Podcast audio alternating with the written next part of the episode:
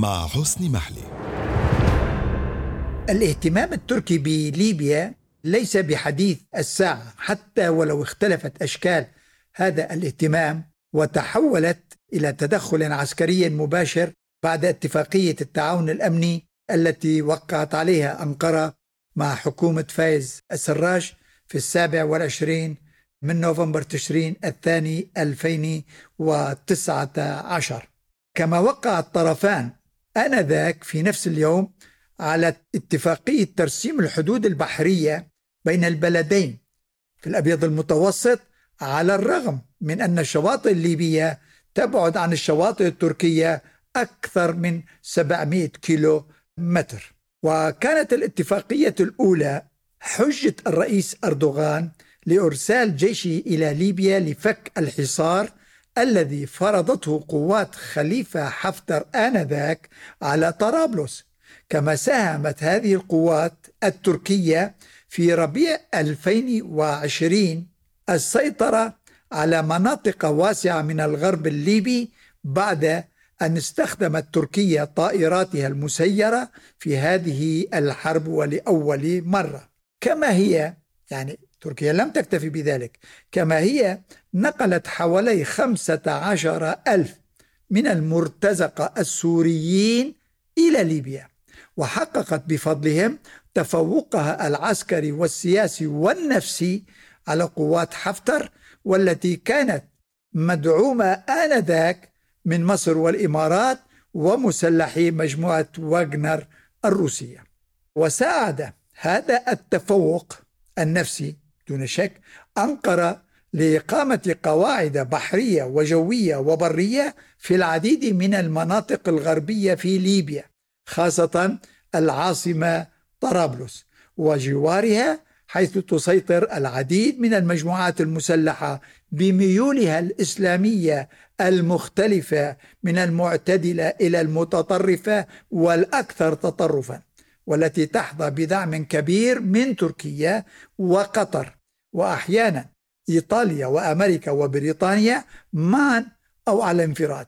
وجعل كل ذلك من الرئيس أردوغان لاعبا اساسيا في مجمل تطورات وأحداث ليبيا بما في ذلك انتخاب عبد الحميد الدبيبة رئيسا للوزراء في شباط 2021 وذلك من قبل ملتقى الحوار الوطني الذي كان يضم أعتقد 75 عضوا واجتمع في جنيف. وكان هذا الفوز بالنسبة لي عبد الحميد الدبيبة بفضل تحركات الدبلوماسية الأمريكية ستيفاني ويليامز التي كانت آنذاك ممثلة عن الأمم المتحدة في الشأن الليبي.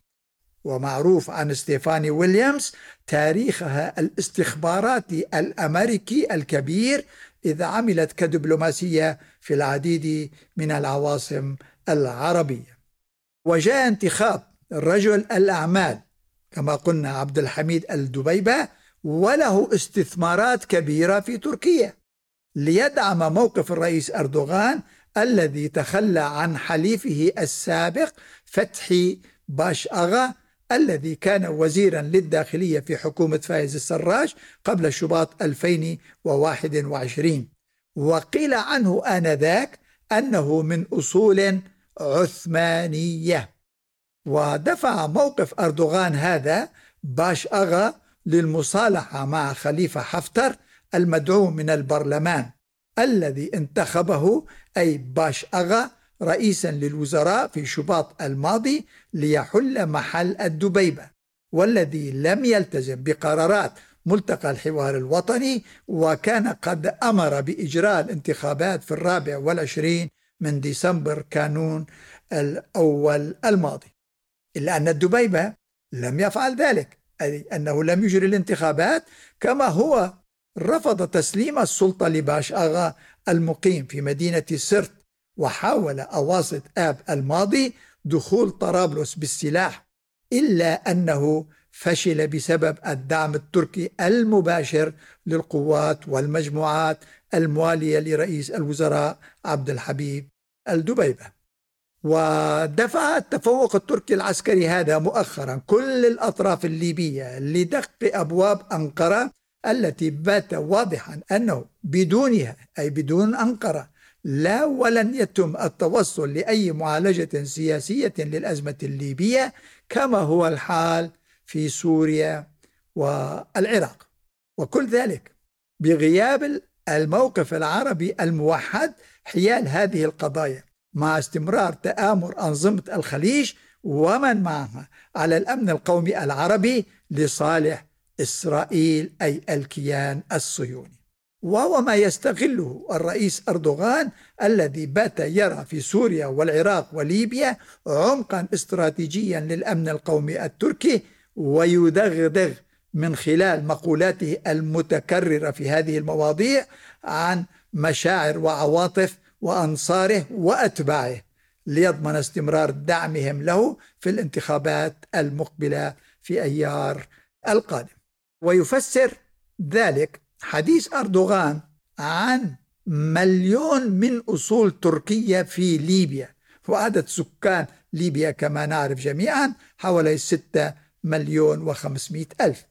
وأردوغان يقول أن مليون منهم من أصل تركي وهم من بقايا الحكم العثماني لليبيا الذي بدأ في العام 1551 وانتهى في العام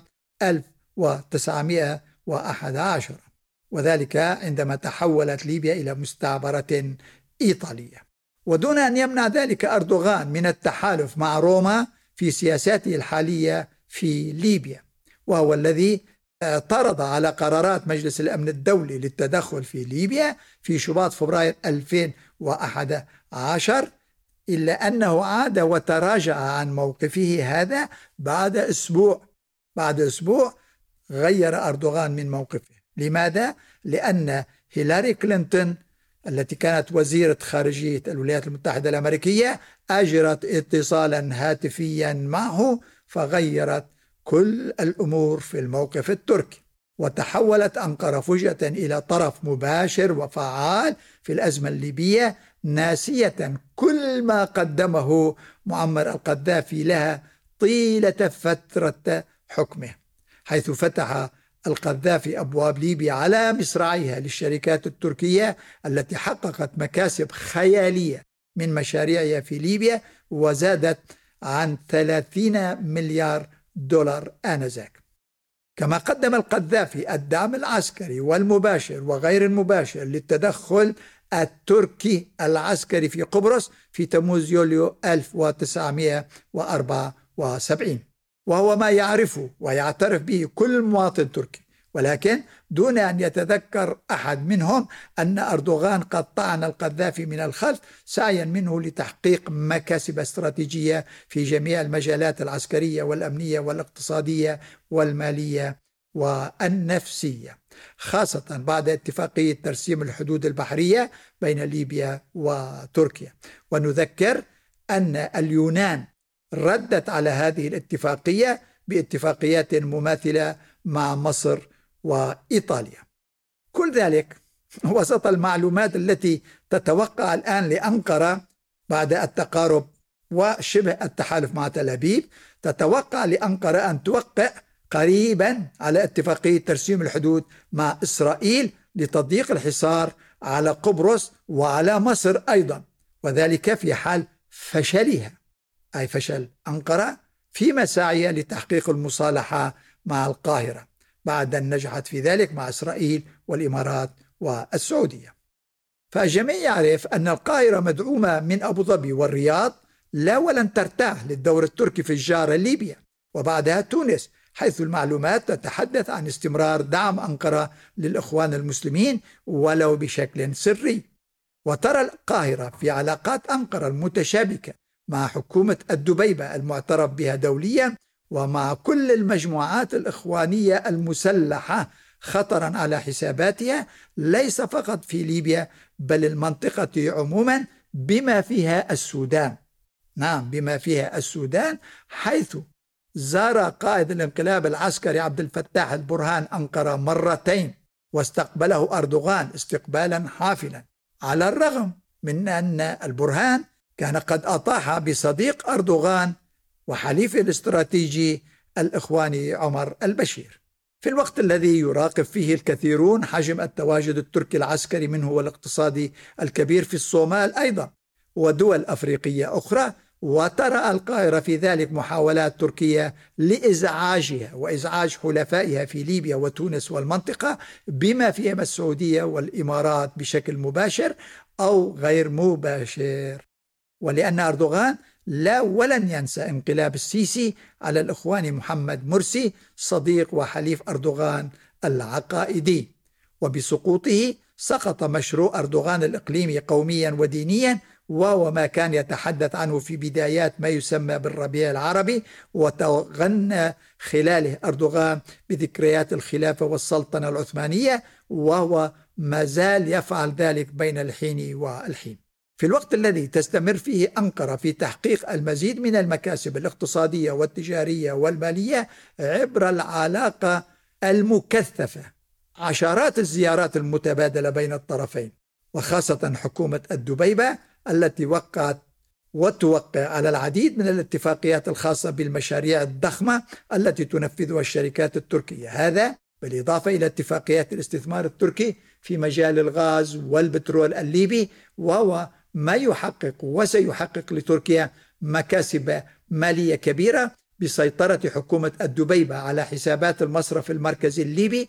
والمعلومات تتحدث عن قضايا فساد خطيرة جدا في مجمل معاملات هذا البنك الداخلية والخارجية. وبغياب الاهتمام الدولي والعربي بليبيا كما هو الحال بسوريا والعراق واليمن ومناطق ساخنة أخرى وكل ذلك بسبب الحرب الأوكرانية فسوف يستمر الرئيس أردوغان ولن يتراجع عنه. يستمر في مشاريعه ومخططاته في ليبيا ودول المنطقة الأخرى. وعلى الرغم من المعلومات التي تتحدث عن وساطات تارة قطرية وتارة أخرى إماراتية لتقريب وجهات النظر بين القاهرة وأنقرة في موضوع ليبيا التي تحولت إلى ساحة صراعات إقليمية ودولية. ويبدو واضحا لنعترف بأن أردوغان هو الرابح الأكبر في مجمل هذه الصراعات والمنافسات والمساومات على الرغم من أن منافسيه وهم السيسي وحلفائهم في الرياض وأبو ظبي وعمان وعواصم عربية أخرى هم من العرب ولكنهم أثبتوا معا فشلهم في ليبيا العربية التي يبدو واضحا أن أردوغان هو الذي سيقرر مصيرها. كما هو الحال في سوريا والعراق والصومال في ظل المعطيات الحالية دون شك ودول أخرى وهذه المرة بأدوار ونشاطات علنية وسرية حققت لأردوغان كما قلت قبل قليل تفوقا نفسيا على الجميع بما فيهم حكام الخليج. ويبدو واضحا أنهم مستمرون في نهجهم التقليدي في الولاء لتل أبيب والعداء لطهران بحجة تدخلها في الشان العربي. ودون أن يفكر أحد منهم المقارنة بين هذا التدخل والتدخل التركي مع اختلاف الأسباب والمبررات وأهمها سيطرة الجيش التركي على 9% من مساحة سوريا بالتنسيق والتعاون مع عشرات الآلاف من المسلحين بمختلف فصائلهم. بالإضافة إلى هيئة تحرير الشام أي النصرة سابقا والتي تحتل إدلب بحماية تركيا في الوقت الذي تغطي فيه أنقرة احتياجات كل المسلحين من السلاح والعتاد بل وحتى المرتبات باعتبار أنهم أي في سوريا ورقة فعالة ومهمة تستفيد منها ليس فقط في مساومات سوريا الداخلية والإقليمية والدولية بل أيضا في ليبيا حيث كما سبق وأن قلت أنها نقلت المرتزقة السوريين إلى ليبيا بل وكذلك إلى كرباخ خلال الحرب الأرمنية الأذربيجانية. في الوقت الذي يتحدث فيه الإعلام الداخلي عن احتمالات أن يستفيد أردوغان من هؤلاء أي المرتزقة السوريين والمسلحين الموجودين داخل المعارضة السورية في تحدياته للمعارضة التركية الداخلية والتي تتوقع أي المعارضة التركية الداخلية توترا خطيرا في الشارع الداخلي مع اقتراب موعد الانتخابات بعد أن بات واضحا أن أردوغان سوف يستنفر كل إمكانياته وإمكانيات الدولة لضمان فوزه في الانتخابات المصيرية بالنسبة له وللجمهورية التركية التي تستعد للاحتفال بالذكرى المئوية لقيامها في التاسع والعشرين من أكتوبر تشرين الأول القادم في الوقت الذي يراهن فيه الكثيرون على مستقبل هذه الجمهورية العلمانية التي يتوقع البعض للرئيس أردوغان أن يقضي على نظامها العلماني إن بقي في السلطة.